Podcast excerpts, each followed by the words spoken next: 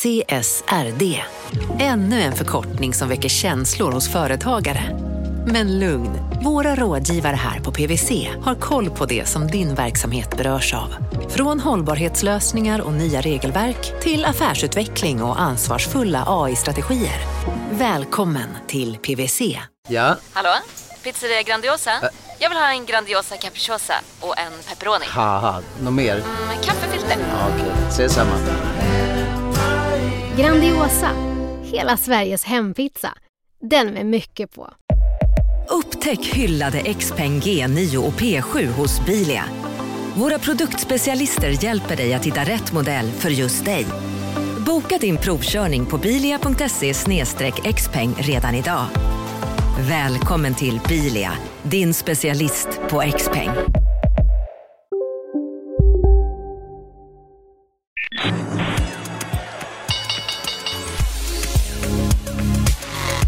Här är Marknaden med Helene Rothstein. Hej och hjärtligt välkommen till podden Marknaden. Jag heter Helene Rothstein och nu sitter jag här med Andreas Persson som är före detta hedgefondförvaltare på den Chicago-baserade hedgefonden som heter Citadel. Och det är också en person som har en ganska spännande historia att berätta. Välkommen hit! Tack så jättemycket. Nu sa jag att du är före detta hedgefondförvaltare. Just nu så jobbar du inte och det beror på att du var med om ett kidnappningsdrama, eller hur? Tyvärr. Tyvärr är det så. Vi börjar den 5 mars 2022.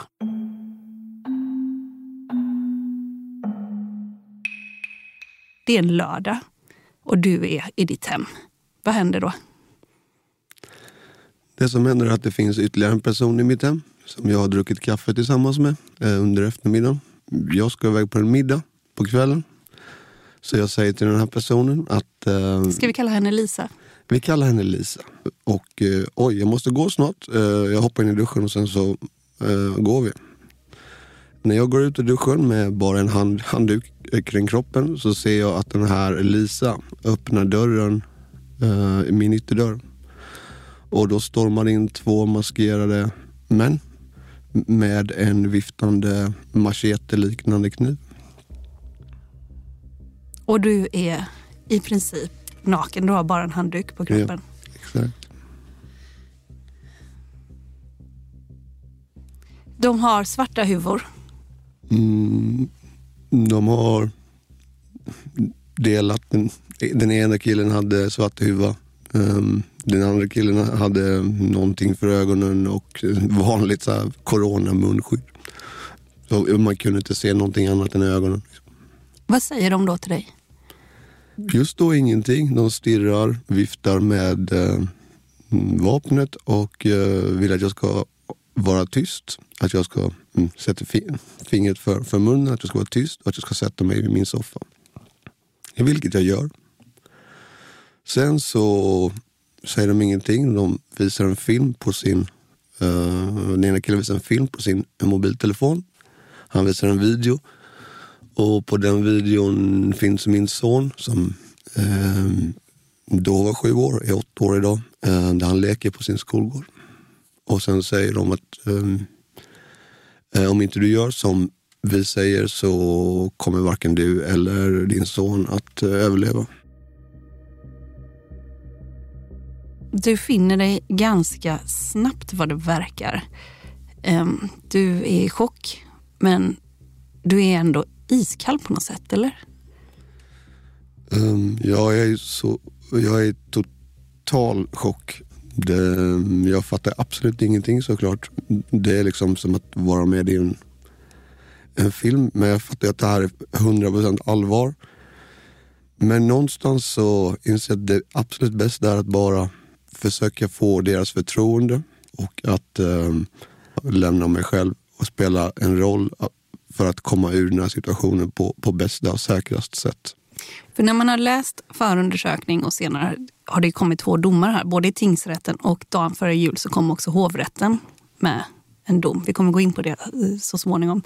Men eh, fanns det någonting i dig som gjorde att du kunde vara så iskall och tänka det här är på allvar. Att inte panikera eller försöka springa ut. Eller Var det rädsla tror du som gjorde att du var så pass lugn? Eller var kom det ifrån? Eh, det kom eh, ifrån att eh, trots allt det de vill ha, de har ju inget personligt agg mot mig. Det fattar jag också. Jag har ingenting för dem. Det enda de vill åt är pengar. Ehm, det, och om jag blir av med pengar, det är inte... Det är ett, eh, pengar kan du tjäna igen. Du kan vara världens lyckligaste med lite pengar och världens lyckligaste med mycket pengar. I det här fallet det, tänkte jag, det är bara pengar. Det är bara pengar. De vill bara ha pengar. Ja, och det, ehm, det är inte slutet på min historia om, om jag blir av med pengar eh, jämfört med eventuella konsekvenser om de inte får pengar. Jag satte mig i den eh, eh, utifrån de förutsättningarna och gjorde det. Det var liksom det enda. Den rollen spelade jag. Ehm, och det gjorde det också enklare för mig att ha det, det, det mindsetet. Var kom det ifrån? Att de liksom kom till dig och ville ha pengar?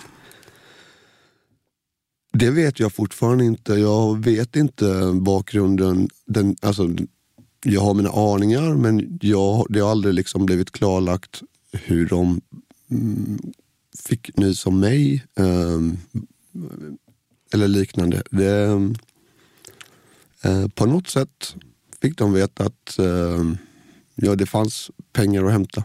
Du skulle ut på dejt, du skulle träffa en tjej. Ja. Och den här personen, Lisa, som är i din lägenhet. Du har också lånat pengar till henne tidigare. Det är en bekant och hon skulle betala tillbaks pengar till dig. Och det var därför hon kom och hälsade på dig. För har jag fattat rätt? Och sen så kom hon upp och så sa hon att hon inte hade några pengar. Korrekt. Hon ville, hon ville be om ursäkt för det. Hur var hon innan? Innan, Äh, Innan de här stormade in? Var hon liksom nervös? Eller? det är så här, hon hon eh, såg ut att inte må så bra. Hon såg väldigt nedstämd och orolig ut. Eh, absolut. Eh, ja, ibland mår man inte bra. Jag kunde liksom i förväg inte... Det fanns inte i min tankevärld att det, att det hade någonting med det som sen hände att göra. Eh, men ja, hon, hon mådde inte bra. Hon var väldigt orolig och nervös. Men är hon en nyckelperson i att de kom i kontakt med dig, vad det verkar? Det är, det är klarlagt. Det är klarlagt, ja. Och hon kanske var skyldig också andra människor pengar och kom på ett sätt att få in pengar på något sätt, eller? Ja, det är den, den eh, versionen som eh, har berättats i eh, polisförhör och under rättegångsförhandlingarna. Om det är sant eller inte vet inte jag, men det är den, den bilden som har, har kommit fram. Och jag är såklart väldigt förvånad att den här personen, Lisa, inte var en av de tilltalade. Men eh, det fanns inte tillräckliga bevis. Så att, eh, Nej, Hon har använts som ett vittne. korrekt. Jag kan förstå att du kan tycka att det är lite märkligt eftersom det är någon som möjliggör ett scenario, vad det verkar. För hon verkar ha haft kontakt med de här personerna. Ja, det är, är ju enda möjligheten till att de här människorna kunde komma in i min lägenhet. Det är väldigt svårt att komma in eh, i min fastighet och så vidare. Så det är ju helt uppenbart att hon är länken mellan de här personerna och mig. Så du sitter där sen i vardagsrummet. Får du gå och ta på dig kläder och så? Mm, ja, det fick jag göra snabbt. Mm. Och sen så sitter de där och så vill de ha pengar. Och de vill att du ska typ swisha pengar till dem. Eh, De är väldigt oförberedda och eh, har ingen riktig förståelse för hur svårt det är att överföra pengar. Ehm, För de vill ha mycket pengar. Det är inte De- så att de vill ha 10 000 liksom. Nej, eh, och eh, de vill göra banköverföringar och Swish. Hur mycket pengar vill de ha? De ville i ett initialt skede ha nästan två miljoner. Så tänkte de att du skulle swisha. Jag vet faktiskt inte exakt hur de hade tänkt sig att det här eh, skulle ske på ett snabbt sätt. Eh, men eh, ja, Hur gör ni då? Vad händer då? Du sitter där, du är iskall och så tänker du okej, vi kör på detta. Ni vill ha de här pengarna och eh, då löser vi det. eh, ja. Och vad, vad händer sen? Det är så att de vill att jag ska eh, visa mina tillgångar, Mm, så jag öppnar upp min telefon, går in på min bank och sen så säger jag till dem att om ni ska ta mina pengar då får ni i alla fall göra själva jobbet vid min telefon själva. För skulle någonting gå fel så kommer ni misstänka att jag försöker eh, lura er på något sätt. Så att jag ger dem min telefon och sen får de försöka lösa det bäst de vill. Och du har ganska mycket pengar på ditt konto, Mm. alltså löst på bankkontot. Är det 1,6 miljoner eller något sånt där? Ja. Eh, och då så tänker de att eh, ja, det här kan vi börja föra över då. Mm. Eh, men hur, vad, vad börjar man då med att föra över? Ja, vid det tillfället så hade jag en, det fanns en limit på min bank som var på 250 000 som man kan göra som en överföring. Så det, det sker direkt en överföring på 250 000 eh, mellan två konton som är i samma bank. Och den överföring, eh, det är lördag men den går direkt. Och sen så ber de mig att maximera Swish-möjligheter och så görs det ytterligare en överföring på 100 000 via Swish. Eh, Den här första överföringen, den går ju till en som inte är i lägenheten, Ja, till en kvinna. Mm. Och eh, som tar emot pengarna. Och eh, den här personen åtalas senare också då för penningtvätt. grov penningtvätt. Grov penningtvätt, ja. För att man tog emot de här pengarna. Men sen där, efter, den här, efter de här två överföringarna då. Vad är vi uppe i? Vi är 350 000. Ja. Vad händer då? Ja, då blir det problem. För mer pengar än så är det svårt att överföra det den dagen. Så vi väntar på att det ska bli söndag. Ja, problemet är att det är en helg också. Ja. Och de vill ju ha pengarna så snabbt som möjligt. Så då är det ju bara via samma bank och Swish. Och helt plötsligt har de ingen som kan, de vet ingen som kan ta emot pengar. Så då gör de ändlösa samtal för att hitta någon som kan ta emot mer pengar. När vi kommit över till eh, alltså efter midnatt. Så vi har ju suttit där i sex timmar någonting sånt eh, i min soffa. Jag minns inte vad klockan var men någon gång på småtimmarna så hittar de någon som kan ta, som kan, eh, ta emot ytterligare 250 000. Letar man efter någon i samma bank? Nej, överhuvudtaget. Varför har de inga konton själva och sådär? För då skulle de bli misstänkta eller vad är det? Jag vet inte riktigt deras ekonomiska situation och så Nej, vidare. Så nej. att, så att, eh, Du sitter och lyssnar på när de ringer runt och frågar om någon kan låna ut sitt bankkonto. mm, Och flera säger nej. ja, uppenbarligen. Eller, eller, eller har inte samma bank. Eh, Eller har inte konto på det Ja, sättet. exakt. Eh, För de lever kanske Ja. i en annan parallell värld eller utav deras eh, kompisar. Ja, det verkar inte som att någon av dem har ett 7 till 4 jobb. Liksom. Det verkar vara som deras kontakter är ungefär yrkeskriminella. Mm. Eller? Ja, absolut. Det, det, det är också klarlagt. Att, Mm. Är, då har jag träffat liksom två yrkeskriminella vet, inom den världen, veteraner. Och I- inom den här världen, när man ska föra över pengar och så här, noviser. totala amatörer, men de har ju en, uppenbarligen en chef som också de ringer till hela tiden som försöker hjälpa dem. Marknaden sponsras av SPP, pensionsbolaget. Eh, förra gången pratade vi lite om ITP. Och som en kort repetition så, så var det ju 70-tal, arbetsmarknadens parter bestämde att alla tjänstemän ska ha en tjänstepension. Man kom överens om vilka villkor som ska gälla i den här pensionen och så kallade man den för ITP. Så jobbar man idag som tjänsteman i ett företag med kollektivavtal, då har man förmodligen den här pensionen, ITP-pensionen. Eh, och det är ju så att man kan påverka eh, den här pensionen, hur den är placerad. Vart femte år så gör nämligen Collectum, som de heter, en enorm upphandling där olika pensionsbolag kan ansöka om att få förvalta eh, de här pensionerna. Och SPP är ett av bolagen som valdes ut i den senaste upphandlingen. Och sen kan du som pensionssparare välja eh, vilket av de här olika pensionsbolagen som, som då ska få ta hand om dina pengar. Och tanken med den här upphandlingen det är ju att liksom kvalitetssäkra de här olika alternativen eh, men också att förhandla fram stora rabatter så att pensionsspararna ska få ja, kunna spara pengar genom att avgifterna eh, som är så viktiga eh, blir eh, lägre. Och vill man välja någonting i ITP-systemet då finns det en relativt ny sajt som heter avtalat.se. Ehm, där kan man gå in och se hur sin ITP-pension är placerad. Jag gjorde det häromdagen faktiskt. Ehm, idén är att hälften av pengarna alltid ligger i något som kallas för traditionell försäkring. Det här gjorde vi ett avsnitt om i podden Kapitalet nyligen eh, som vi kallade världens bästa sparform. kan man lyssna på om man är intresserad. Eh, den andra halvan eh, den kan man också lägga i en traditionell försäkring eller så kan man placera det i något som kallas för fondförsäkring. Ehm, SPP som sagt eh, var ju ett av de fåtal bolagen som valdes ut i den senaste upphandlingen och de finns med som alternativ både med en traditionell försäkring och med eh, fonder. Så det var en liten bakgrund till ITP-systemet. Vill man läsa mer om det här eller typ kolla hur ITP-pensionen är placerad, eh, kanske göra förändringar, då går man in på avtalat.se. Eh, men tack säger jag till SPP som vill göra oss människor mer medvetna om hur enormt viktig pensionen är för oss som en framtida lön, men också som en positiv kraft i samhället. Eh, och förstås för att ni möjliggör eh, den här podden Marknaden.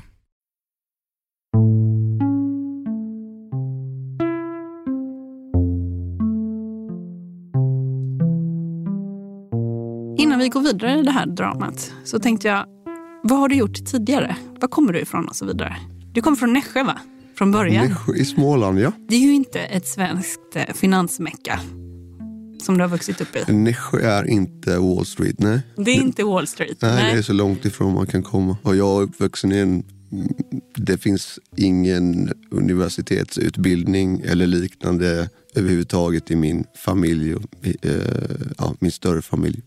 Eh, det är en väldigt annorlunda värld mot alla i min familj. Eh. Du ska senare hamna i Londons hedgefondvärld. Liksom. Ja. Och du kommer verkligen inte från den världen själv, så kan vi säga. Ja, verkligen. Eh, men du utbildar dig till ingenjör, va? Ja, jag pluggar på KTH, industriell ekonomi. Direkt efter så började jag jobba på ett uh, litet elhandelsbolag och uh, började jobba med analys efter ett tag med den nordiska elmarknaden och prognostisera priser. Och det sysslar jag med ett antal år eh, på det här elhandelsbolaget. Vilka år är detta? Det är 2006 till 2010. Nu är det här ju otroligt hett. Vad är det för eh, prognoser och sådär som du ska göra och om du jämför med, med de prognoser som man sitter och gör idag? Vad är den stora skillnaden där? Det är jättestora skillnader men egentligen samma typ av matematisk bakgrund för att göra modeller, modelleringar och prognoser. Då fanns det ett Sverige. Nu finns det fyra Sverige. Eh, för jag jobbade då mest med att prognostisera svenska priser. Du menar zonmässigt? Nu finns det fyra elområden. Ja, ja. 2006 eh, var Sverige ett område. Det är betydligt mer komplicerat att prognostisera Sverige i fyra delar än när Sverige var en enhet. Vad tycker du om att det är fyra delar nu? Det var ett ganska dumt beslut när det eh, blev klart att Sverige var tvungna att dela upp sig på ett eller annat sätt så fanns det tre alternativ. Det var två områden, tre områden eller fyra områden. Man valde det mest komplicerade ur ett eh, kommunikationsmässigt och eh, politiskt sett var det ett ganska korkat val. Men ur ett eltekniskt perspektiv så var det det mest förståeliga. Så där var det då till 2010. Och sen, ja. vad tog du vägen sen?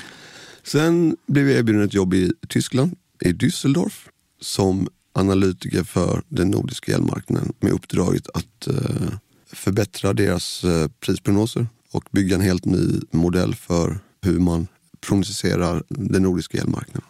Vad heter det bolaget? Ja, då var det E.ON, nu är det Uniper. Så det var på deras uh, tradingavdelning i, i Düsseldorf. Mm. Hur var det då när du kom dit och hur var liksom bilden på den svenska elmarknaden där? E.ON är och var väldigt involverad i. De har kärnkraftverk och uh, ganska mycket vattenkraft. Alltså det var egentligen samma typ av jobb. Förutspå uh, prisutveckling. Så jag fokuserade liksom på min del. Det var inte så stor skillnad egentligen. Nej, det var det inte. Nej. Nej. Och hur länge var du där? Två år. Två år. Och sen? Vart tog du vägen? Ja, sen flyttade jag hem och det var mer personliga. Eh, jag var då gift och min eh, dåvarande fru eh, hade flyttat hem. Och ja, Jag var rätt trött på företaget och... Det är ju en jätte ju. Ja, det, det jag var trött på var mer att det var hundra chefsnivåer och att allting man ville göra tog tid ineffektivt och otroligt frustrerande. Så jag flyttade hem och så var jag hemma i ett drygt halvår innan jag fick ett samtal från, från London. Var det från Citadel? Nej, utan det var en eh, liten hedgefond som hette Cumulus. Som fokuserade på energimarknader, då enbart i Europa, utifrån ett väldigt väderbaserat perspektiv. Berätta lite om den miljön liksom, du hamnade i. Och var. Den är, eh, det är, är och var inte Wolf of Wall Street. Det är ett gäng matematiska nördar som sitter tillsammans. Väldigt avslappnad miljö. Man blev direkt delägare, partner i. Eh, Så vi liksom, alla var väldigt ekonomiskt eh, investerade i det här. Eh, Elprisnördar? Nej. Nej, det är matematiskt skickliga människor Ja. som gillar att arbeta hårt med och Och vad gjorde ni då? Bettade ni på uppgång och nedgångar på olika elprismarknader? Eller vad gjorde Ja. ni för något? Ja, eh, vi handlade väldigt mycket på kort sikt. Hur kort sikt? Allt ifrån priset imorgon till priset på el och gas eh, och utsläppsrätter och kol ett par år fram i tiden. Men med väldigt stort fokus på den närmsta framtiden. För vi trodde oss vara väldigt bra på att förstå väder. Det Går, li- går det att, vara, att bli bra på det? det var, alltså, det var edgen som vi hade och som vi framförde till investerare. Investera i oss för det här kan vi. Vi kan förstå hur vädret påverkar marknaden och vi har ett eget vädersystem, ett eget SMHI som är anpassat utifrån energimarknaden. Som ni hade byggt? Ja. Så det, vi hade ett, vårt eget SMHI kan man säga. Det låter när du pratar som att det finns en släng av ironi här. Att ni trodde att ni var bra på det här. Men var ni, är det som jag hör fel? Eller var ni bra på det här? Eh, Eller var ni bra fram till en viss punkt? Nej, vi- vi var väldigt bra på det. Jag tror fortfarande vi är väldigt bra på det. Jag säger vi, men de som var med då eh, och som, de som fortfarande jobbar med det. Tjänar ni mycket pengar? Ja, och vi förlorade mycket pengar och vi tjänade mycket pengar. Berätta hur de här, bet, eh, de här betsen fungerar då. Vanligtvis när man tittar på en väderprognos så handlar det om temperatur och nederbörd i en viss ort en viss dag, några dagar framöver. Det är helt ointressant utifrån ett energimarknadsperspektiv. Där handlar det om sannolikhetsberäkningar men över mycket större geografisk yta. Om vi tar Norden som exempel så är ju nederbörd väldigt viktigt för vi har så mycket vattenkraft. Men det är ju rätt ointressant om regnet faller klockan 14 eller klockan 10 i Luleå eller i Umeå. Liksom. Så att våra vädermodeller var anpassade för, för syftet med vattenkraft och vind och temperatur.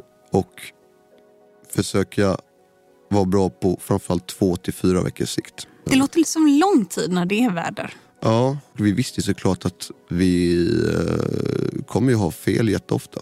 Men att ha den insikten och hantera risk utifrån det blev vi väldigt bra på. Eh, och vet att när vi är väldigt säkra och när vi inte har en aning. Eh, för väldigt ofta har du ingen aning. Men det finns situationer när sannolikheten ser väldigt, väldigt bra ut. Men det är verkligen hög risk. eh, extremt hög risk. Mm. Mm. Så när ni förlorade som mest, vad hade ni gjort för fel då? När vi förlorade som mest så var det, det handlade inte så mycket om vädren. Då är det liksom exogena marknadsförutsättningar som övertrumfar väderaspekten. För att eh, göra en koppling till 2022, 2023, eh, då har ju elpriset varit extremt påverkat av Ukraina-situationen. Eh, Även om vädret såklart fortfarande är superviktigt så kan utomstående faktorer under en period vara betydligt viktigare än vädret. Och även om vi hade rätt i vädret kunde vi ändå förlora, förlora pengar ändå. Och sen så, eh, som jag har förstått det då, så Citadel slukade Cumulus.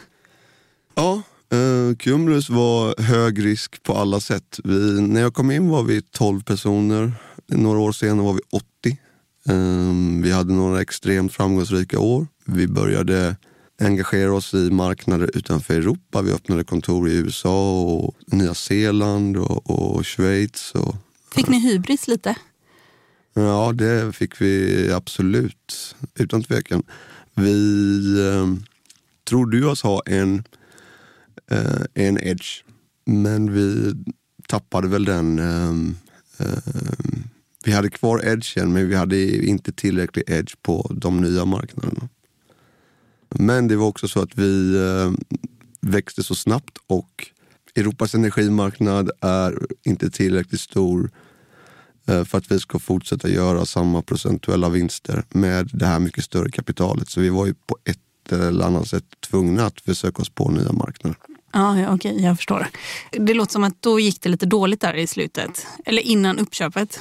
Ja, och sen så, det gjorde det under något eller två år. Ehm, Det var två väldigt svåra väderprognostiserade år och eh, vi förlorade ganska mycket pengar på de marknader där vi inte hade vår absoluta expertis. På europeisk el och gas gjorde vi nästan alltid bra. Eh, men det var de nya marknaderna som vi, det inte gick lika bra. Så vi eh, halverades ungefär. Och det var i det läget runt årsskiftet 2017-2018 som andra fonder började höra av sig. De såg att det fanns en expertis och de såg att ni hade det lite tufft. Ja. Ja, Och då, där fanns en chans att utnyttja situationen. ja. ja luften är fri. Än så länge i alla fall. Än så länge. Eller ni tjänar ju också pengar och förlorade lite pengar på ny luft också. Ja. Ja. Din roll här då i slutet, liksom du var med här i starten, eller när ni bara var 12. Vad hade du för titel och så vidare? Var du trader helt enkelt? Eh, mot slutet var jag vice chef kan man säga. Och med huvudansvar för strategier och eh, tradingbeslut.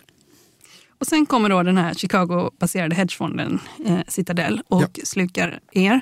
Och eh, ni ingår plötsligt då eh, i ett riktigt stort nätverk och riktigt stort bolag.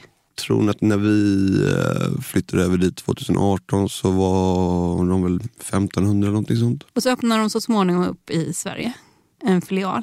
Ja, Gör du ungefär samma saker? ja det kan man, alltså, jag är fortfarande vice chef för samma saker. Men nu är vi ett team på kanske 10-12 personer. Citadel hade en, eh, väldigt eh, krävande intervjuprocess med alla som var kvar på Cumulus och plockade över dem de verkligen ville ha. Och det blev det nya teamet. Och då fortsatte du fokusera då på den europeiska en- energimarknaden. Ja. Och fortfarande då ur ett hedgefondperspektiv. Ja, så vi var ett eh, självstyrande team som fokuserar på el och gas primärt i eh, Europa och lite grann i, i USA. Så då har du sysslat med då att eh, prognostisera och betta på väder och energipriser. Ja, det är ju 17 år nu. Då. Vi kommer att prata lite mer om Citadel senare. Men om vi återgår då till soffan.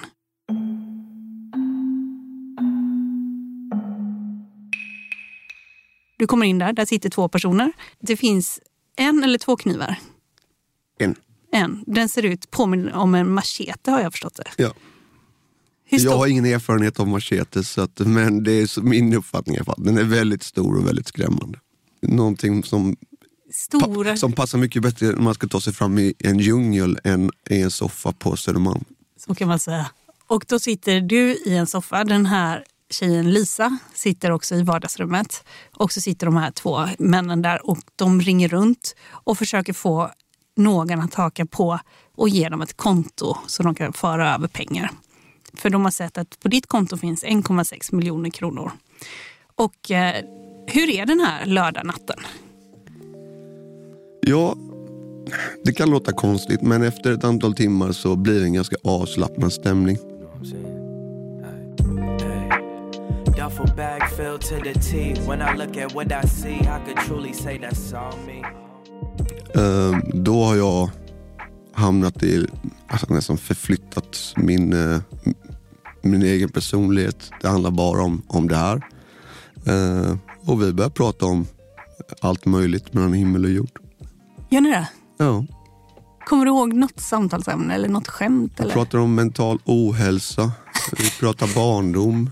Förlåt jag skrattar men du måste ju sitta och vara helt eh, mentalt pressad där. Ja men samtidigt så har jag alltså, jag är ett helt annat mindset på något sätt. Det är liksom inte den normala jag. Det är eh, en person som bara vill lösa en situation på bästa sätt och försöka framstå så eh, tillmötesgående, försöka vara lite rolig, bara lösa situationen. Var lite likeable ungefär. Exakt så. Vad, vad säger ni om barndomen? Eller vad säger du? Kommer du ihåg någonting sådär? Ja, om, om de pratade sanning eller inte har jag ingen aning om, men det tror jag. Eh, Men det var killar med eh, rätt trasslig, tragisk uppväxt. Eh, För jag ville veta hur i hela världen kommer det sig att ni hamnar här i min soffa? Vad är det för saker som har hänt tidigare i livet? Varför har du inte ett vanligt jobb? Eh, för jag gissar att när du var liten drömde du inte om att försörja dig genom att kidnappa människor. Ungefär så var mina frågor till dem och så vidare. Så att, ja, Kunde hade... du ställa det så straight? Jo, vilket jag så här i efterhand framstod som ännu mer likable. För att dels i det läget, ja, jag var intresserad, jag, jag ville veta hur det kom sig att man hamnar i en sån situation. Så att, ja, vi pratade länge om det. Eh, mellan att de ringde och väntade på nya samtal och så vidare.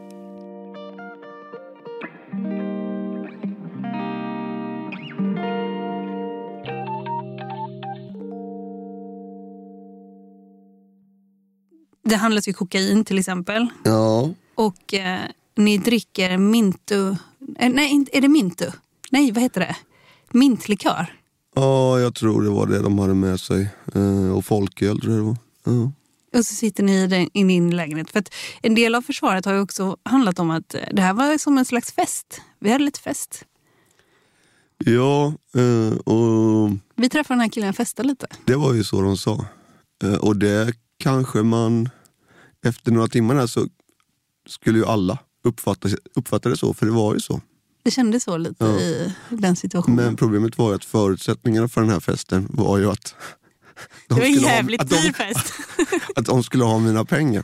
Och de skulle ha, var det exakt det som var på ditt konto eller ännu mer? Två miljoner från början då. Ja, Så i, i deras värld hade de eh, prutat ner då, det här. ja alltså, efter några timmar där så jag sa äh, det räcker om vi får 1,3 miljoner för du verkar vara en rätt schysst kille. Så någonting hade du gjort som fick dem att tänka så? Eller hur ska man säga Ja, det? Eh, de- Någonting med stämningen gjorde att de ändå Absolut. backade lite till ja, där. Ja. De hade ju helt rätt när de förstod att jag bara ville lösa situationen. De ville också bara lösa situationen. De ville inte vara hemma hos mig. De ville vara hemma och sova egentligen. Men de har ett uppdrag från den som var deras arbetsgivare eller chef. Så att det var ett jobb för, från deras sida. Och efter ett tag sa den här Lisa eh, säger att hon är, mår dåligt Ja. och att hon vill till akuten. Ja, då hade det gått ungefär 12-13 timmar. Ja. Var hon också med på den här bisarra festen? Alltså, kunde hon bidra till den festen eller hur var hon, var hon tillknäppt? Nej, hon var helt tillknäppt eh, och eh, befann sig då i ett annat rum. Om hon var i ett annat rum, kunde hon använda sin mobil eller liksom, var hon fri? Eller, Nej, hon kunde inte använda sin mobil. de hade den. Ja, och när hon ville gå på toaletten så följde de med henne, eller stod vakter utanför och så.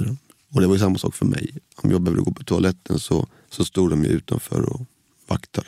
Och du fick ju såklart inte heller ha din mobil. De hade den och de Ja. skulle föra över pengar. Ja. Sen eh, så stöter du på patrull, eller ni blir hungriga också, du äter ingenting. Eh, nej, nej, alltså. Klockan fem på morgonen så hade min bank ett underhållsarbete på appen.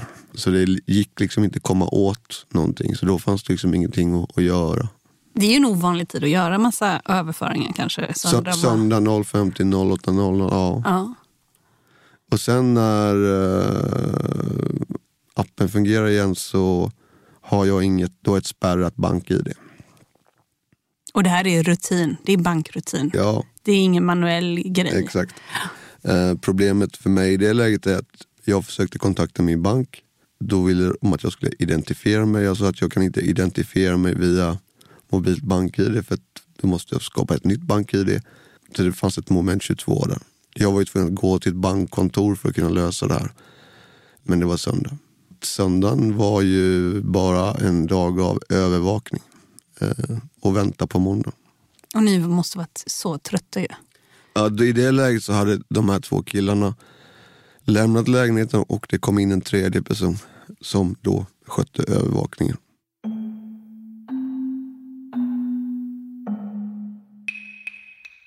Den här tredje personen, hur var den i förhållande till de två tidigare? Ja, när han kom så var han oerhört aggressiv.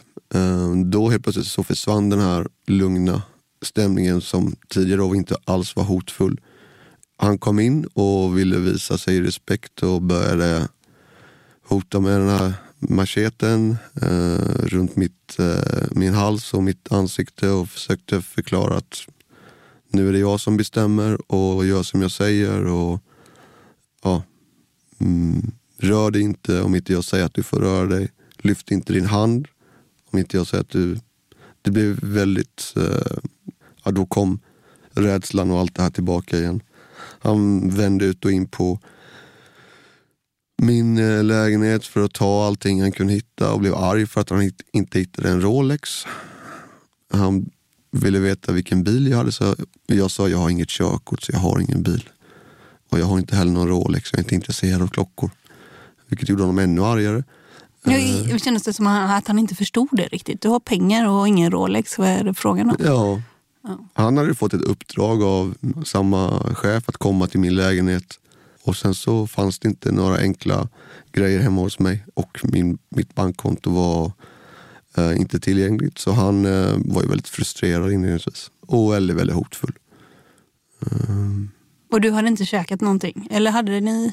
nej, vi hade inte ätit någonting. Men tillsammans gick vi och jag hade inte, jag kunde inte heller komma åt, alltså de har ju spärrat mitt visakort och allting också så jag hade inte riktigt några pengar.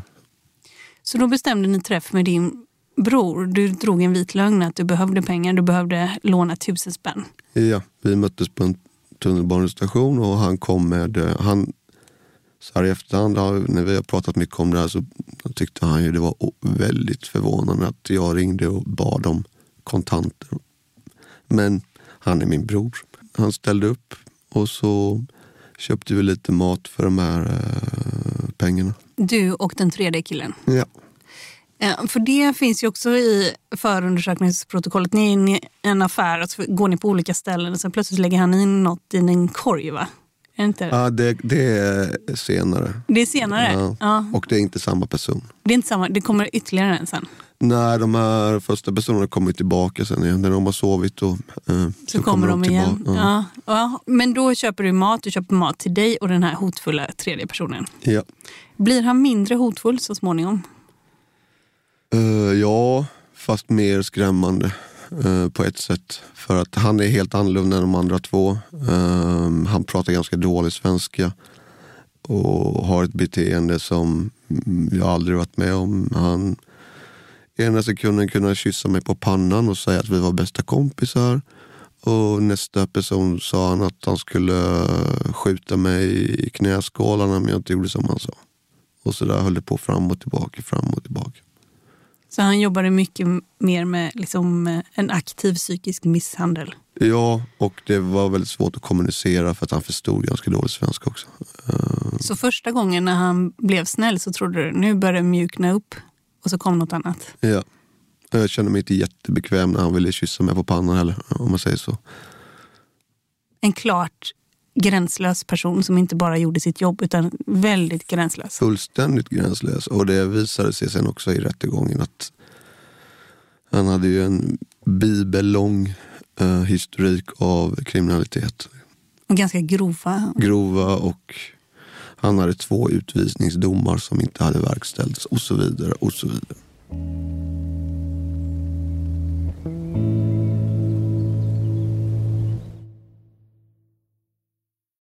Eh, marknaden sponsras av Karla. Eh, vi pratar ju en hel del om bilar här- på kontoret. Eh, karla har ju skapat, skulle jag säga, det som är standarden för hur man idag köper och säljer bilar på nätet. Kort bakgrund bara. Karla säljer och leasar begagnade elbilar och laddhybrider på karla.se. Alltså en helt digital upplevelse. Och man har gjort det här med ett nästan maniskt fokus på vad en bilköpare faktiskt behöver. Jag gjorde ju en intervju med en av grundarna, Patrik Illerstig, i marknaden här eh, ganska nyligen, eh, daterad 25 mars, om man vill lyssna på den. Eh, men där berättar han hur de kom in i det här lite från vänster för att försöka uppfinna hela den här liksom bilköpupplevelsen från början. Och de har idag, vilket är rätt otroligt, 4,8 i betyg eh, på Trustpilot. Jag, jag har sett många företagssidor på Trustpilot, men det här är nog bland eh, det bästa jag någonsin sett faktiskt. Man kan sälja bilen till Karla också. Eh, då går man in på karla.se, delar lite info om bilen, sen får man en gratis värdering och ett bud. De hämtar bilen helt gratis i hela Sverige och så har man pengarna på kontot i samma stund som de hämtar bilen. Det är grymt. Eh, så ska du köpa en ny bil eller sälja din gamla, eller båda delar för den delen, gå in på karla.se och eh, kolla. Alltså karla.se och Karla stavas med C. Tack så mycket till Karla.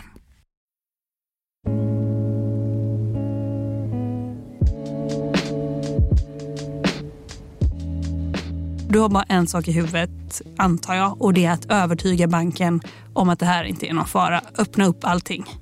Ja, eh, jag det, det slutar med att jag har ett telefonsamtal med en, en, eh, en tjej som jobbar på banken och jag har telefonen på eh, högtalarläge. Sitter vid mitt köksbord och de här, tre, då är det tre personer i min lägenhet som sitter och eh, macheten är också framme på bordet. Så att jag inte ska säga någonting olämpligt. Så jag drar ju en, uh, en rövarhistoria. Vad säger du då? Jag måste förklara överföringarna och varför jag har gjort dem. Eh, Helt plötsligt också? Ja, och mitt i natten. Eller sent på kvällen och sen försöker göra fler överföringar. Jag säger att jag ska hjälpa vänner som har, eh, som har haft det tufft. Vi har levt under en, eh, en tid av corona. Folk har förlorat jobbet. Ehm, jag vill bara hjälpa mina vänner jag säger till, till banken att jag förstår att eh, det, det här verkar misstänkt och märkligt. Men det är faktiskt precis som jag säger, att jag, jag försöker hjälpa mina vänner som har haft det tufft. Ehm, och försöker vara lite rolig med den här bank för att, lätta, för att uh, avdramatisera allting. Uh, och det verkar ju funka eftersom de öppnar upp mitt, mitt konto igen. Och det kommer nya överföringar då kan du göra? Då kunde jag göra det och jag kunde använda mitt, mitt kort. Jag kunde, behövde inte hjälp av min bror eller liknande för att få pengar att köpa mat till. Men... Och hur mycket förs över då? För först var det då 250 000 första gången, sen så var det 100 000 swish. Ja, och sen så direkt när jag hade fått tillbaka mitt bankkonto så ville de ju göra stora överföringar igen och då försökte jag säga att jag tror nog att det kanske inte är en bra idé om vi 30 minuter efter att de öppnat mitt konto gör en överföring på 250 000. Det skulle nog se ganska misstänkt ut. Så det, på tisdagen sen så sker det två utlandsöverföringar till utländska konton. På hur mycket då? Eller är det... jag minns inte riktigt så men totalt sett kanske det är 100-150 000. Och sen? Ja, då är vi på tisdag kväll innan vi åkte till Södertälje. Ja, sen sker det en överföring på onsdag morgon. Uh, ja. Att ni åker till Södertälje, vad beror det på? Det beror på att det börjar nog framstå som ganska misstänkt för människor i min, i min eh, omgivning att jag inte riktigt är enkel att nå. Att jag, när jag någon gång får tillåtelse att prata med min mamma så eh, kan jag inte riktigt prata och jag fattar i det läget att snart kommer någon kontakta polisen eller liknande för att det är någonting står inte riktigt rätt till med Andreas. Eh, för att försäkra sig om att polisen inte kommer till min lägenhet så förflyttas jag till Södertälje där en av de här killarnas uh, tjej bor. Till hennes lägenhet? Ja. Du förstår detta eller förstår de det också? Nej, de förstår ingenting. Nej, så är det såklart inte. Nej, men uh, det här börjar bli väldigt utdraget. Jag är så oerhört trött. Och vill bara få det här över, över, över. Så att det är på mitt initiativ, eller på min förfrågan jag föreslår att vi kanske ska vara någon annanstans. För du vill verkligen inte att polisen ska blanda sig i detta? Nej, för det finns ju i det här märkliga, konstiga, fruktansvärda så är det ju en grundförutsättning som gäller. Det är att om jag inte gör som de säger så kommer de döda mig och min son. Den premissen är ju liksom, det är det allting handlar om. Vad, vad är mitt alternativ? Troligt eller inte, det finns vapen. En av de här människorna är fullständigt gränslös. Jag vet inte vad han kan göra om inte jag gör exakt som han säger. Jag vill överleva och jag vill ta mig ur situationen så fort som möjligt. Eh, så jag vill vara pragmatisk. Jag vet inte heller hur man skulle föra över så här stora summor. Men man förstår ju att om man skulle ge det två veckor eller så, så skulle det ju vara mycket lättare ju. Ja, det sa jag till dem också. En fjärde person kom in i lägenheten uh, under en kväll och föreslog att vi kanske ska köpa guld istället. Alltså fysiskt guld. Det blir ingen överföring. Uh, jag tyckte det lät som en ganska klok idé. Uh, så det fanns också med som ett förslag. Men det skedde inte. Men ja, för att jag två veckor hade det nog tagit till slut för att föra över alla pengar. Och det, var, det fanns inte med på kartan? För då tänkte du, när du försöker lura oss här. Men, ja. du, men, men du hade i den sitsen så hade du faktiskt gjort det? Ja, jag hade gjort vad som helst. Eller jag ja. gjorde ju uppenbarligen vad som helst. Och då kommer du till den här lägenheten då i, i Södertälje. Och eh, hur mycket har du fört över då totalt? Närmar vi oss en miljon snart? Jag tror att i det läget är det ganska exakt en miljon. Ja. Och då på onsdag lunch så säger de att vi avslutar det här nu. Det tar för lång tid, det är för komplicerat, det är för riskfyllt. Så de släpper mig.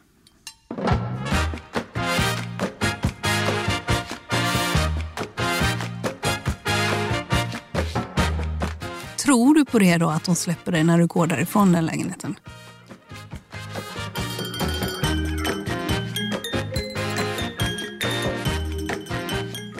Sanningen är att när jag går från den här lägenheten ner till pendeltågsstationen i Södertälje så det är en av mina lyckligaste stunder i livet. Jag är genuint glad att det är över. Tittar du dig bakåt? Eller liksom... Nej. Du vet att de har fattat att det här går inte mera? Ja, och jag känner mig fri.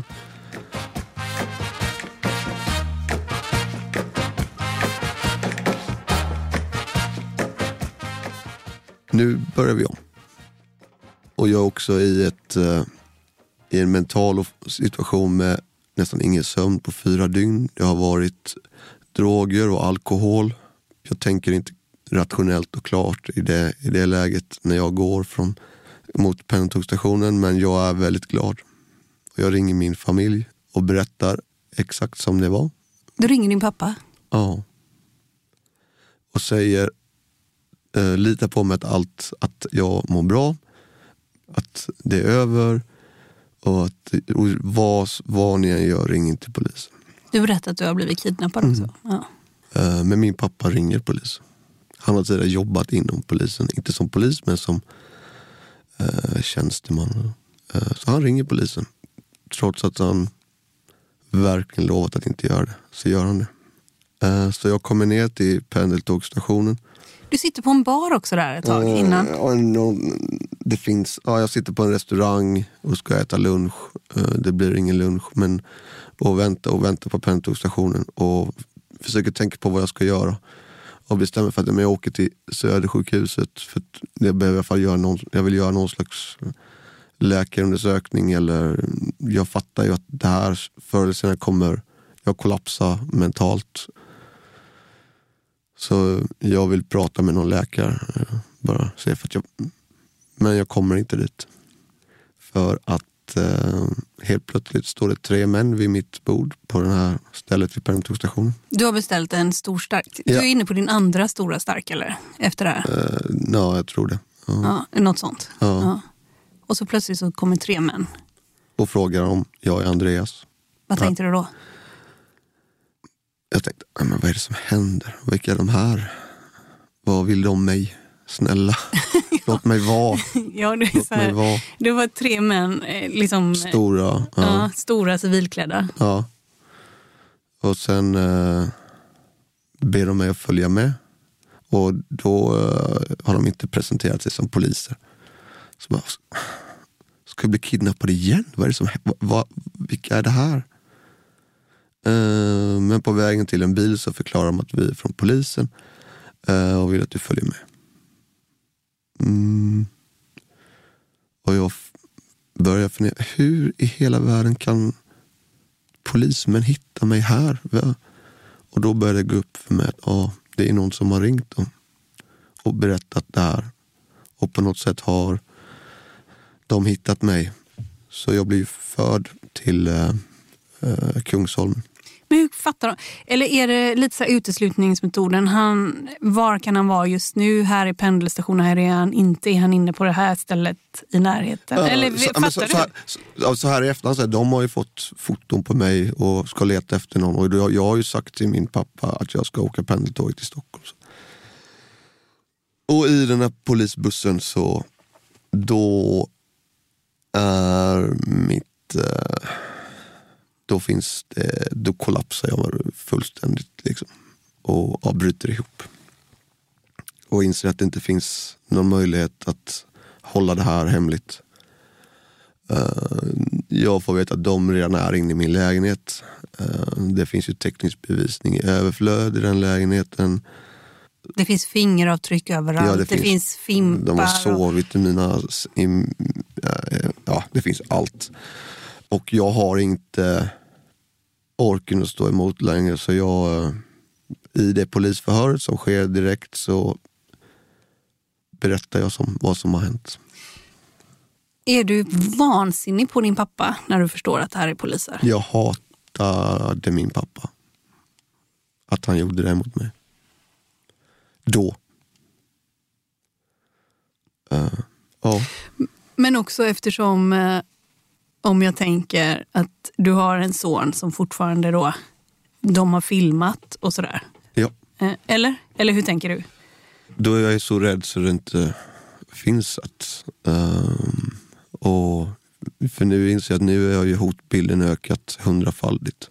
Nu har jag gjort det som jag lovade de här männen att inte göra. Jag pratar med polisen. Så efter det här fyra timmars förhöret, Eh, jag var inte direkt piggare och fräschare, ehm, så kommer det in två män från eh, ja, polisskyddet eh, som pratar med mig. Och det är svårt att prata med mig för jag bara gråter och halvsover och är... Ja, det, finns ingen, det finns ingen styrka kvar överhuvudtaget. De eh, köper lite mat till mig och sen kör de mig till eh, psykakuten. Oh, där jag i stort sett sover i eh, 24 timmar och sen så har jag ett förhör där. Men jag somnar mitt under förhöret. Eh, Så de lämnar och kommer tillbaka 24 timmar senare. Och sen så blir jag förd till en lägenhet. Jag får lite kläder, lite mat. Med order om att jag inte får prata med någon. Jag får inte... De ger mig en telefon, en sån... Ja, tänk dig eh, Nokia-telefon från 1999. Eh, och jag, alltså jag, blir till, jag får inte göra någonting. Men får du veta att... Eh, du måste ju säga det första du gör. Alltså, de har filmat min son här. Ja. Ja, För ni har delad vårdnad. Ni bor ju inte ihop, det har vi Nej. inte sagt. nej, precis. Nej, nej, men, Eller? Jag får ju veta att de här poli, det här polisskyddet har, är också, har varit hemma hos eh, min sons mamma och hos min son eh, och har underrättat dem och har också dem under uh, beskydd. Det får du veta väldigt snabbt, ja. eller? Ja. Ja. Ja. Alltså psykakuten, där sover du och sen så fortsätter också förhören, eller? Eh, ja, det, men, ganska, men det tar ganska lång tid. Eh, det är inte, förhören sker ju inte med, med polisskyddet utan det är, ju, det är ju utredarna som gör det. Så att jag blir förd i, uh, polisskyddet kör mig fram och tillbaka till, till polishuset och för att göra de här uh, uh, förhören. Hur tycker du att du blir mottagen och behandlar utav polisen och polisskyddet och psy psykakuten? Och så? Hur är... Av polisskyddet extremt professionellt mm, och, och bra. Eh, även om min livssituation under det här är ju såklart, eh, som jag sa till de här, eh, det är liksom, kör mig istället till, eh, till Kumla eh, och låsa in mig där för då behöver jag inte laga min mat själv i alla fall. För det är ju fängelseliknande omständigheter jag lever under. Men jag eh, ja, får ju sköta allting själv trots allt. Eh, Och du är liksom ett ras, eller? ja, fullständigt. Blir du förvånad över hur mycket det här har tagit på dig där och då? Eller sen? För, förvånad, absolut. Det var ju det eh, som jag sa, att jag planerade att åka till, eh, till, till sjukhuset efter jag kommer tillbaka till Stockholm. Det handlar om att jag visste att jag förr eller senare kommer att bryta ihop. Eh, Har du en sån historik? jag har en historik av eh, depression och, och eh, ångest och så. Ja. Eh, sedan tidigare. Så det finns, när de kommer in i din lägenhet så är det också en, eh, en sårbar person, eller personlighet. Eh, Du har ett sånt bagage liksom. ja, absolut. Så egentligen om man säger så med personskydd, du hade behövt något som lagar något varmt som du kunde äta ungefär. Någon gryta eller någonting. Eller? Ja, en, en kram kanske. En kram kanske. Ja. Det, för att eh, det var o, det är ju väldigt ensamt såklart. Sitta där själv. Jag är inte hemma hos mig själv. Jag är fortfarande inlåst. Även om jag inte, alltså, men det är ju en annan inlåsningssituation. ja. Men du har ju också precis varit inlåst. Ja. Ja, jag, det är mycket ilska. Eh, känsla av orättvisa. I det läget, den ilskan du känner, är den också väldigt mycket mot din pappa? Nej, nej. Då, då har du släppt det? Ja, det, jag släppte den ganska snabbt. Ehm, han är min pappa. Liksom.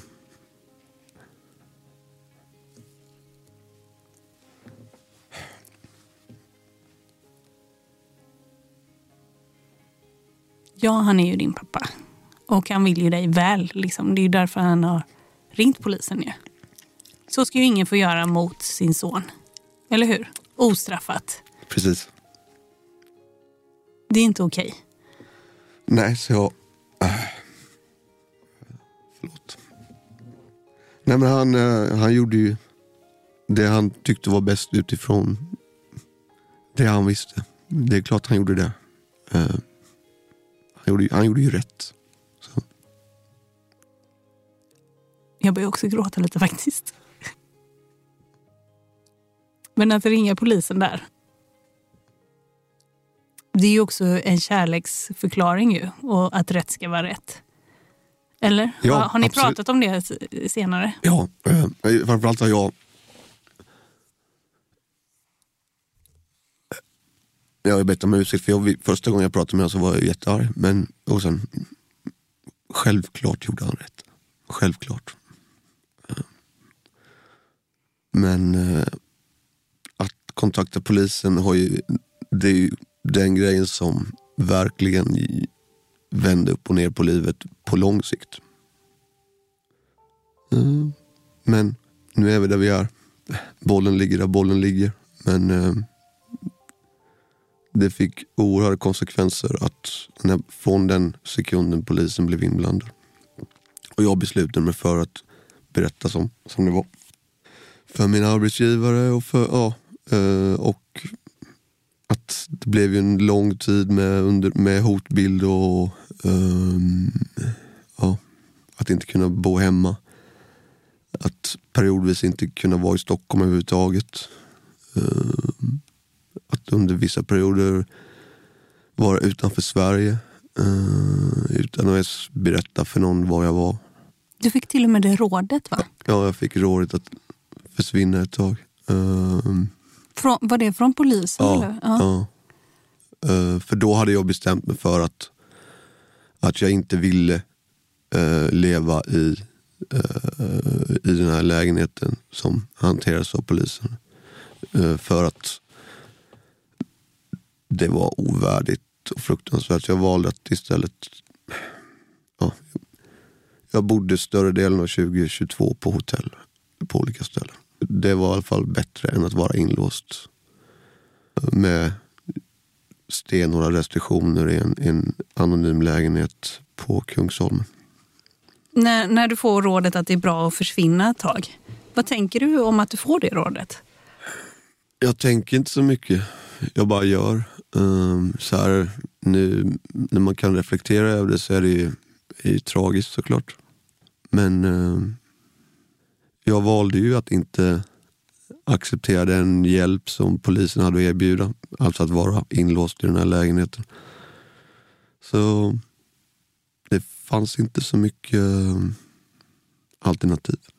Och bara som en passus att när jag hade varit utomlands och kom tillbaka till Stockholm så tar jag en taxi för att åka till min lägenhet. För att jag har trots allt grejer där som jag måste ha. Och jag kommer dit runt midnatt och när jag sitter i taxin ser jag att det står en, en ganska tom gata.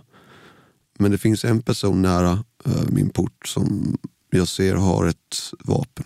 Då inser jag att nej, jag kan inte gå in i min lägenhet. Det är någon här med vapen. Ingen aning om han var där för min skull. Men det fanns en person där. Jag kontaktar polisen såklart direkt och får då rådet att ah, du bör nog inte vara i Stockholm nu. Och så får jag åka ifrån Stockholm igen. Jag tänker det rådet, det, är också, det kräver ju också att man har kapital och inte vara på Ja, en plats. Absolut. Det är ju inte alla som Nej. har det. Tänkte du på det någonting? Ja, jättemycket. Eh, Men jag hade ju fått möjligheten att vara i den här lägenheten. Eh, Så.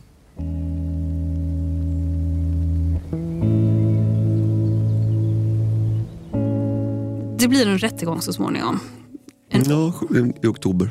Ja, I oktober förra året så börjas det. Och då har det ju gått ett halvår drygt sedan dramat. Då. Är det självklart att det ska bli en rättegång när polisen har fått allt det här? Alltså, kan man säga att jag, jag vill inte det? Eller hur, hur, hur går det till? Hur funkar det? Eh, jag får ju veta i augusti att det är tre personer som är frihetsberövade. Jag har ju pekat ut folk i vittneskonfrontation. Och de har hittat de här personerna. Eh, För jag har ingen aning om vad de heter eller sådär. Men eh, då får jag veta att de är häktade med fulla restriktioner och att de gör förhör med dem. Men det tog ju väldigt lång tid innan det blev rättegång. De är inte så synkade i sina förhör. Nej, Kan du förstå det? Alltså känner de inte varandra? Eller kan du liksom, om du ska förstå varför man inte har en gemensam berättelse riktigt? Ja, och det är väl en, en, någonting som är genomgående i det här. Att de här tre killarna, de, Alltså de De- första vänliga, den tredje eh, vilda. ja, men ingen av dem kommer få ett Nobelpris om vi säger så.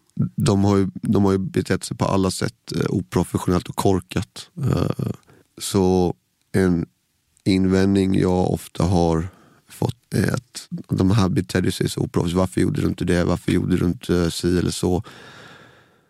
Alltså vad, vad, vadå? Vad, vad kan det vara? Nej men att bara alltså, under de här kidnappningsdygnen, varför drog du inte bara till polisen? Och du hade ju möjlighet, ni var utomhus och så vidare. Men det återkommer ju till, det fanns en grundpremiss i det hela. Med hoten mot mig och min son. Om polisen blev inblandad. Hur korkade och professionella de än är och var. Så fanns hela tiden grundförutsättningar.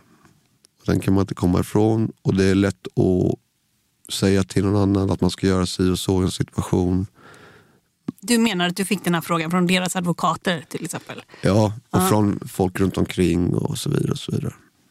Finns det någonting i efterhand som du själv tänker att det här borde jag faktiskt ha gjort? Ja, det tänker jag väl på hela tiden. Men just under de här dygnen så tror jag att jag agerade helt...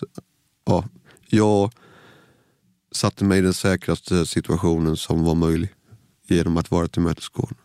Men det här tankesättet som du hade själv då, att du inte, vi kommer återgå till rättegången, men det här tankesättet som du hade själv, att inte kontakta polisen. Där finns ju en fara i att man hade kunnat gå på dig igen. Ja, och det var ju eh, så som polisskyddet sa till mig eh, och polisen också att eh, när de försökte övertyga mig om att det rätta är att berätta sanningen och så vidare. De kan knacka på igen. Liksom. ja, och att deras erfarenhet är att av sådana här situationer är att när man inte har gått till polisen är att det ofta händer att de återkommer. Men jag är ingen expert på det, jag vet inte.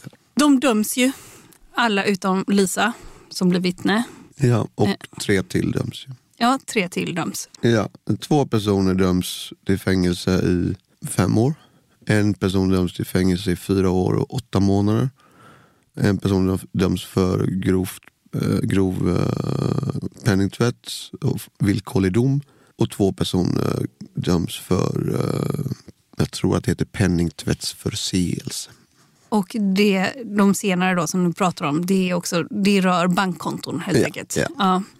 Och sen överklagas detta till hovrätten. Ja, som fastställer tingsrättens eh, dom. Det är inte din advokat som överklagar. Eh, nej, det är eh, all, nej, fem av sex personer överklagar. Ja. Och de fastställer tingsrättens dom. Finns det någonting i de som blir dömda här att eh, du har tänkt någonting, någonting kring de domar som kommer? En sak som jag har lärt mig är att eh, i eh, hovrättens dom och när de förklarar hur de har tänkt så hade de velat döma en person till och det är den här eh, killen som beter sig väldigt skräckinjagande. Den tredje, den ja, som jag jag- pratar om, den tredje personen. Ja, Han, han hade hovrätten velat ge ett, ett eh, hårdare straff men eftersom åklagaren yrkade på att fastställa tingsrättens dom så kunde de inte ge ett hårdare straff. Det är väl eh, det ena jag har reflekterat över som jag inte visste om. Det andra är att åklagaren inte ens eh, eh, han yrkade inte ens på utvisning av den här killen nummer tre. Vilket förvånade mig. Men han hade ju redan två utvisningsdomar som inte har kunnat verk, verkställas så att åklagaren gav det inte ens en chans. Och det kan vi kanske nämna, för det landet som han har blivit satt att utvisas till, vi har anonymiserat honom totalt här och alla andra ju. Ja. Det är för att eh, de vill inte ta emot den här personen. Precis, för det finns inga papper. Det, det saknas papper Ja. överhuvudtaget Ja. på att den här personen kommer från det landet. Ja. När vi talades vid innan jul så verkar du väldigt lättad över att de faktiskt skulle, för att de skulle få sitta kvar i häktet om, fram tills nästa dom föll. Ja. Alltså det som händer är ju att efter slutpläderingarna så då ville ju samtliga advokater att eh, deras klienter skulle liksom försättas på fri fot i väntan på dom. Och för mig var det ju att de inte fick göra det och att eh, de fick sitta i häktet istället sa i alla fall till mig att sannolikheten för att de skulle dömas var större. Det var därför jag var väldigt lättad. Men det låter ju annars som en väldigt skrämmande period för någon som har råkat ut för en kidnappning. Ju. Ja, absolut. Det låter ju som eh, en riktig mardröm. Ja. Allt har varit en mardröm, men det låter ju väldigt skräckinjagande. Ja. Så då kom en lättnad. Och sen så kom domen. Kände du en lättnad då också när domen kom? Eller vad kände du att det var som tidigare ungefär? Nej, det är lättnad och upprättelse. Det är ju en bizarr historia på alla sätt. Och en sak som har varit svår för mig är att när jag har berättat om den så är det ganska många som tror att det här inte har hänt. Att jag hittar på det. Och att det faktiskt finns ett skriftligt bevis i form av numera två domar. Är någon slags en personlig upprättelse. Eh, Att, jo, precis så som jag sa. Eh, Så var det också. En grej i domen som inte jag riktigt fattar, det var ju att eh, det här som du har råkat ut för, det är inget rån. Nej, precis. Nej, de, eller, åklagaren yrkade på människorov, grov utpressning och grovt rån tror jag. Men eh, de blev inte dömda för eh, rånbiten. Varför inte då? Vad är ett rån för någonting? Ja du, det ska väl finnas någon... För att det ska utdömas så saknas ju eh, våldsaspekten. För jag blev ju trots allt inte utsatt för någon, något fysiskt våld. Tack vare att jag fått tillmötesgående. Men psykisk våld, va? Eh, Jag i allra högsta grad. Räknas inte det som... Nej. Uppenbarligen inte. Det verkade faktiskt inte som att det var nära när man läser eh, hur eh, såväl tingsrätt som hovrätt har resonerat eh, när de har fastställt påföljderna. Det som sker i form av, eh, eller har skett i, eh, konsekvenserna? Konsekvenserna av det psykiska våldet eh, blir via skadestånd, sveda och värk och så vidare. Eh, där, eh, där kommer den biten in. Och där har de också utdömt skadestånd. Ja. För det sa vi inte, eller hur? Nej, precis. Det har de gjort. Ja. Eh, Den totala summan var någonstans mellan en, och en, halv, en till en och en halv miljon. Men de pengarna, eh, nu gissar jag, de pengarna kommer du inte få se. Nej, det, det är ingenting som jag eh, eh, räknar med. Nej. Nej, eftersom eh, för, för det- ska de ur egen ficka betala ut till dig. Ja, Och om de inte gör det, vad händer då? eh, jag vet faktiskt inte. Finns det någon möjlighet att man överklagar till Högsta domstolen? Har du hört något om man ska göra det? Ni ska inte göra det på åklagarsidan eller? Eh, nej, jag har inte hört någonting. Man har ju en viss tid på sig mellan dom och uh, efterdomen. Tre veckor tror jag det. Jag vet ju att en person har meddelat att de inte kommer gå vidare. Eh, jag har inte hört någonting överhuvudtaget i övrigt. Man kan väl säga att HD de prövar principiellt intressanta saker. Ja. Eh, juridiskt principiellt intressanta Ja. saker. Det är ganska svårt att få prövningstillstånd, men det händer ju. Ja. Pengarna som du för över, var Mm. är pengarna nu? Eh, En del, av, ungefär 40 procent har jag fått tillbaka. Eh, De övriga har jag faktiskt ingen aning om vad de är. Det var heller ingenting som eh, det diskuterades i under rättegångsförhandlingarna. Vad pengarna är. Så jag vet inte. Vad, vad jag vet är att, det, att de här gjorde en väldigt många, väldigt många transaktioner. Så de splittade upp de, mina pengar till många, till, eh, till flera olika. Alltså 600 000 är på vift. Ja, Men det där bekommer inte dig så jättemycket, eller gör det det? Det är di- eh, jag kan inte göra någonting åt det. Jag kan inte göra min egen eh, utredning och knacka på dörren hos de som har fått pengarna. Eh, det, jag får bara leva med det. Eh, eh, ja, det är så jag ser det. Eh, frustrerande, absolut. Eh, extremt frustrerande. Men det hjälper inte mig att gå omkring och vara arg och ledsen över de pengarna. Eh, de är, som jag ser det, borta. Och det är ingenting som rättsstaten tar sig an. Liksom. Mm, uppenbarligen inte, det verkar inte så. Har du frågat om det? Nej, det var först i efterhand jag började fundera på det. Eh, men Var är pengarna? Liksom? ja, exakt. Eh, var är pengarna? Men efter tingsrätten så beslutade jag mig för att inte eh, involvera mig för mycket i allt som har med polisutredning och dom och de dömde att göra. Jag var inte, det, jag var inte med på hovrättsförhandlingarna. För Det hade inte framkommit, framkommit någon information eh, som var ny. Så det handlade bara om att se en videouppspelning av tingsrätten. Så jag hade ingenting att tillföra. Så åklagaren förde min talan i, eh, i domstolen. När vi talades vid tidigare så har du, berättade du att du också fått frågan men, ja, men varför händer det här dig? Just dig? När man blir utsatt för någonting, du är ett brottsoffer, helt klart har jag två domar här slagit fast. Och man kan ju säga att eh, alla brottsoffer de går igenom något som kallas för victim blaming. Det händer ju till exempel i många våldtäktsfall så har det ju varit, ja men du försatte dig i en viss situation eller så här. Var det någonting som gjorde att du liksom, den här Lisa som du kände till exempel, alltså hade du rört dig i några kretsar? Hade du liksom gjort någonting som eh, gjorde att du gjorde dig själv sårbar för en sån här händelse? Ja, det tror jag. Eh, Det är ju ingen slump att de kom till mig. Ja, ett är det uppenbara att det fanns pengar att hämta. Eh, Men sen, Och två, att fel person visste det. ja, det var väl olämpligt att bli bekant med en person som jag inte visste någonting om egentligen. Att jag var naiv. Ja, För sen också, där när vi pratade, när du var liksom i deras våld i din lägenhet och ni köpte kokain och så, då var det också en kokainkontakt som du själv hade ju. ja. Ja.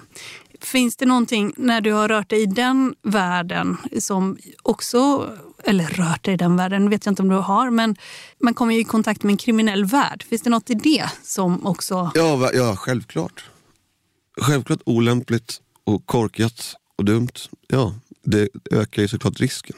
Så mm, det är väl inget... Eh, Men ja, det ökar risken, men hängde det ihop tror du? nej, Nej, det gjorde det inte. Nej. det tror jag verkligen inte. Men eh, det ökar ju risken. Så synnerligen olämpligt. Eh, vilket jag eh, har betalat ett hyfsat högt pris för. Eh, så, men där, det tänker jag på så ofta. Att eh, jag aldrig skulle kommit i kontakt med den här Lisa. Det var oförsiktigt och dumt. Hon var bekant till... Hon var, hon var bekant till en, eh, en tjej som jag, som jag hade varit i en, en, eh, en relation med. Ja. Eh, ja. Och så kom hon till dig så behövde hon låna pengar där från början. ja. Och det var inga större summor sådär. Det var 15 000 eller? Ja. Ja. Det är också något intressant med det här när man lånar ut pengar. Alltså det är inte bara att man blir skyldig folk pengar som gör att man skapar en, eh, en sårbar relation till någon. Utan också det att man lånar ut pengar. Också dumt såklart. Ja. För det visar ju också om man har pengar eller inte. Alltså man, man blottar ju sig. Ja. Eh, jag kan inte förändra historien men jag får ju precis som alla andra lära, lära sig av mina misstag och inte göra samma sak igen. Men samtidigt med allt detta, även om du tar på dig skuld och att det här var dumt och så, du är ju ett brottsoffer. Det har ju slagits fast alltså rent juridiskt också nu. Ja, De sitter ju för- de i- ska i fängelse. Jag är väl i allra högsta grad ett brottsoffer för ett väldigt, väldigt allvarligt brott som för all framtid kommer skapa ett ärr i mig. Um, Efter det här har varit och har en hi- historik också av eh, depression och panikångestattacker och sådär. Har det där eskalerat efter kidnappningen, om jag får lov att fråga? det är klart du får lov att fråga. Eh, och svaret är ja, ja. Och det är väl nästan självklart um, att det är så. Um, Har du fått någon hjälp eller tagit hjälp? Ja, eller? Absolut. Jag har kontakter med psykiatrin. Och jag har blivit diagnostiserad med posttraumatiskt stressyndrom som jag försöker få någon behandling på. Jag mår oerhört dåligt. Har mardrömmar nästan varje natt. Ehm, Och ja,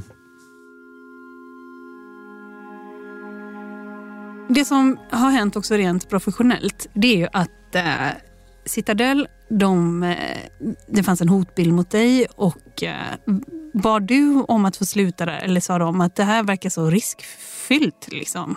Eller vad det hände? var, eh, det var egentligen från båda håll.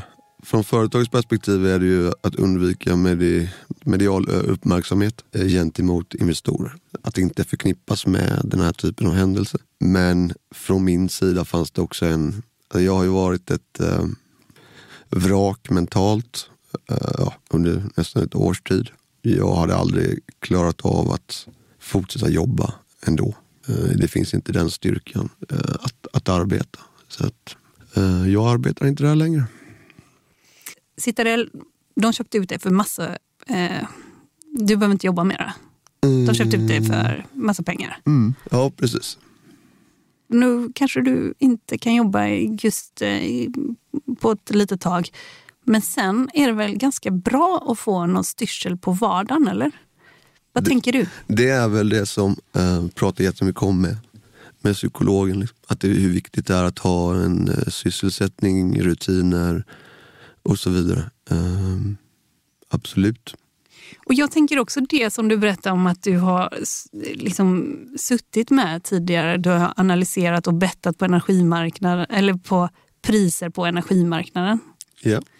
Det är väl också något som efterfrågas i allra högsta grad nu, eller den kompetensen överhuvudtaget. Ja, men en del av min uppgörelse är ju att jag inte äh, kan arbeta för en konkurrent under en längre period. Hur lång är den perioden?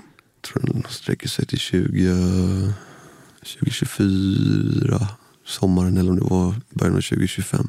Ja, den är i och för sig inte jättelång. Nej, men jag ska försöka säga det här på ett ödmjukt och bra sätt. Men i den här finansvärlden och eh, energimarknader och hedgefonder. Så Citadel är Real Madrid. Det är en av världens mest framgångsrika hedgefonder. Eh, vad jag vet den mest framgångsrika på 2000-talet. Då är det svårt att finna motivation att göra någonting liknande men på en annan nivå. Eller jag har i alla fall i nuläget svårt att finna den, den motivationen. Eh, för att det ska bli framgång måste du lägga ner allt fokus på det. Eh, oavsett var du är. Men det måste också finnas en uppsida för mig eh, som gör det värt att lägga ner allt det. Och det ser jag inte som att den finns just nu.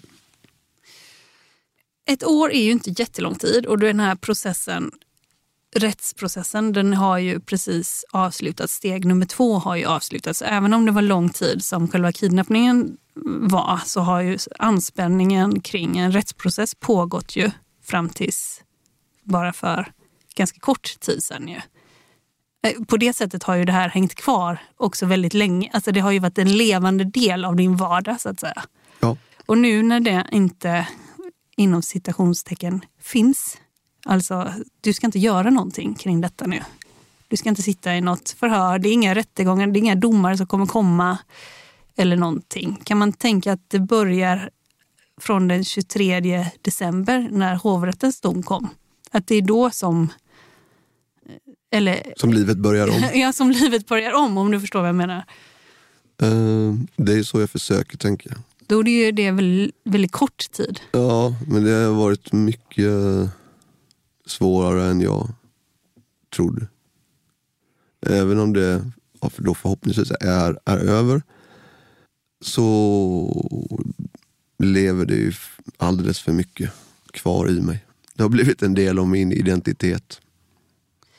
När du får hjälp, du sa att du har fått hjälp av bland annat inom psykiatrin och sådär. Hur får man hjälp med att gå vidare rent liksom praktiskt i livet? Eller det får man lösa själv? Eller hur, hur gör du?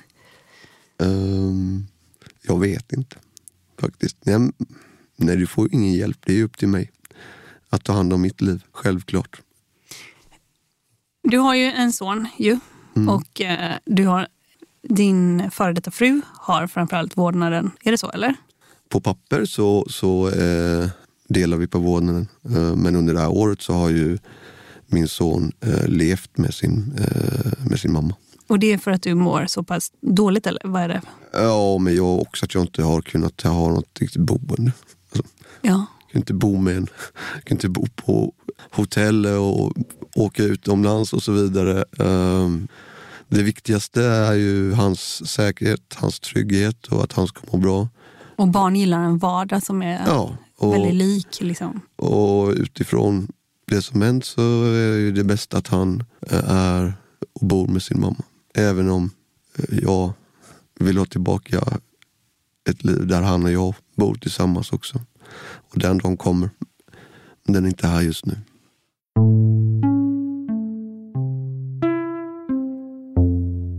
Jag ser ju när vi pratar här nu att det här är jobbigt för dig att prata om och så.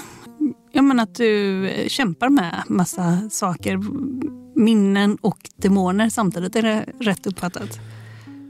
Uh, ja, absolut. Ja, uh, det finns ingenting att hymla om. Jag har varit inlagd på psykiatriskt uh, boende under ett antal perioder under 2022. Jag har en gång försökt, äh, blivit förd med ambulans. Äh, du försökte ta livet av dig eller? Ja. Så det är väl de värsta konsekvenserna av det, det äh, mentala tillståndet. Um, hur otroligt hårt det har, har ja, den in, de indirekta konsekvenserna har varit väldigt stora.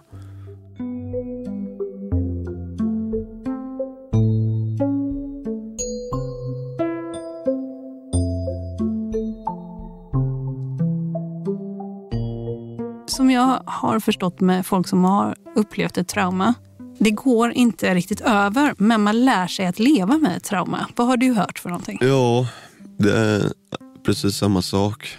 Det det handlar mycket om acceptans och att den ångestproblematik som finns kommer inte försvinna. Men det gäller att lära känna sin ångest och förstå när, att det är ångest som medför irrationella tankar. Men att det beror på det, på det och att förstå det. Vi har ju ångest och rädsla av en anledning. Det, för att det är för att det ska skydda oss. Och det är ju bra. Därför kommer ångesten aldrig för någon att försvinna. Men man kan göra den till sin kompis kanske. Ja, men som jag har hört så har, finns ju liksom vissa mentala trick som är en, väldigt mörk känsla kommer så kan man välkomna den känslan och säga jag ser dig, kan vi höras lite senare? Ja, ungefär så säger psykologen också. Um, Men hur blir man så? Men alltså, Hur gör man så att den inte greppar tag i en liksom, helt... eh, jag, tror, jag tror du frågar fel person. hade, Ja, jag hade, jag, hade jag vetat det så, så, så hade det varit bättre. Ja, Ja. ja, jag fattar. Ja. Ja, men det, det är dit du ska, du, du ska komma dit till att man kan distansera sig från ångesten. Är det så? Ja. Eh, och det bästa sättet att, att komma dit är väl att eh, äta bra. eh, ta hand om sin kropp på ett bra sätt. eh, ha, ja, sova bra. Ja, men tidigare då hade ju här, kunde vi läsa så en historik också. Det blir så här, kokain, inga sådana grejer. Ingen alkohol och sånt. nej, precis. Det, nej. Så är det ju.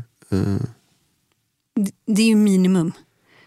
Ja, det är grundförutsättningarna för eh, att öka chanserna för ett, eh, att må bra såklart.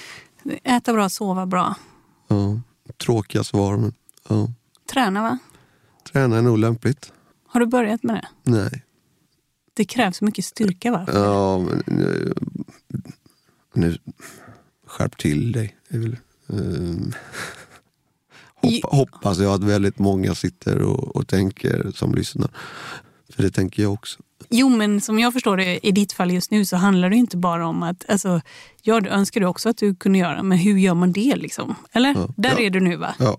Bara en fråga till här. Vad har du lärt dig av allt detta? Om vi tar, förutom de här konsekvenserna och så här, som är ju en otrolig liksom, jobbig lärdom. Finns det något annat eh, till folk som lyssnar eller vad som helst? Vad, vad har du tagit med dig? Vad har du lärt dig mer konkret av det här?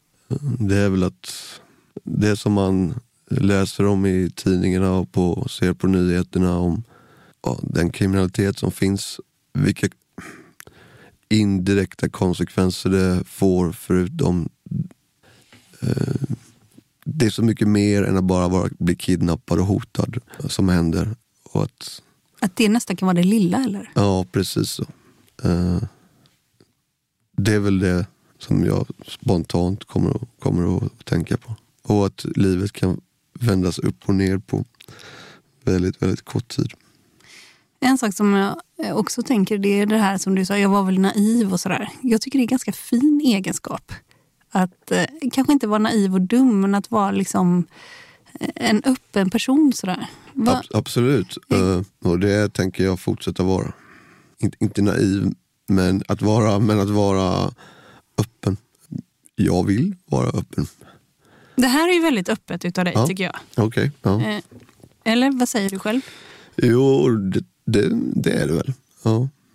Vad tänker du om det när du har suttit här och snackat och det har varit ganska känslosamt? Så vad tänker du nu? Eh, Jag tänker, har jag sagt för mycket? Eh, Hur kommer det uppfattas? Men det är mitt sätt att vara som människa. Eh, Jag vill inte förställa mig. Det finns ingen anledning till det. Alla har väl sina svagheter. Det finns ingen anledning att eh, dölja den. eh, Och förställa sig och försöka vara någon annan. Det- Jag ser ingen anledning till, till det. Och, men jag hade haft full respekt för någon som inte hade velat prata om det. Det, det är upp till var och en att välja hur, hur man vill göra. Jag kan bara vara jag. Eller något du vill tillägga? Nej, ingenting jag kommer att tänka på. Äter du indiskt? Eh, Ska vi gå och äta lunch? eh, jag har ett möte som jag måste till. Nu direkt efter? Ja, jag ska träffa en mäklare. För jag, ska, jag ska försöka sälja min eh, lägenhet. Där hela det här utspelar sig. Ja. Så jag ska träffa en mäklare. Och, Det är ju skitbra ju. Eller? ja, det är bra. Var ska du flytta då? Ingen aning. Ingen aning vad jag ska. Eh, så får det bli. Men jag kan inte vara där. Min sons mamma aldrig tolerera att han sätter sin fot där heller. Så, och det är ju det är han jag kämpar för. Ja, mig själv också såklart. Men målbilden är ju att vara med honom. Men stort tack för att du kom hit. Tack själv.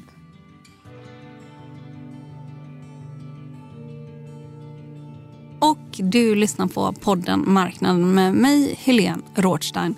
Och eh, den här podden den ges ut av Monopol Media. Ansvarig utgivare är Jakob Bursell och eh, Kristoffer Krook. Han har mixat det här.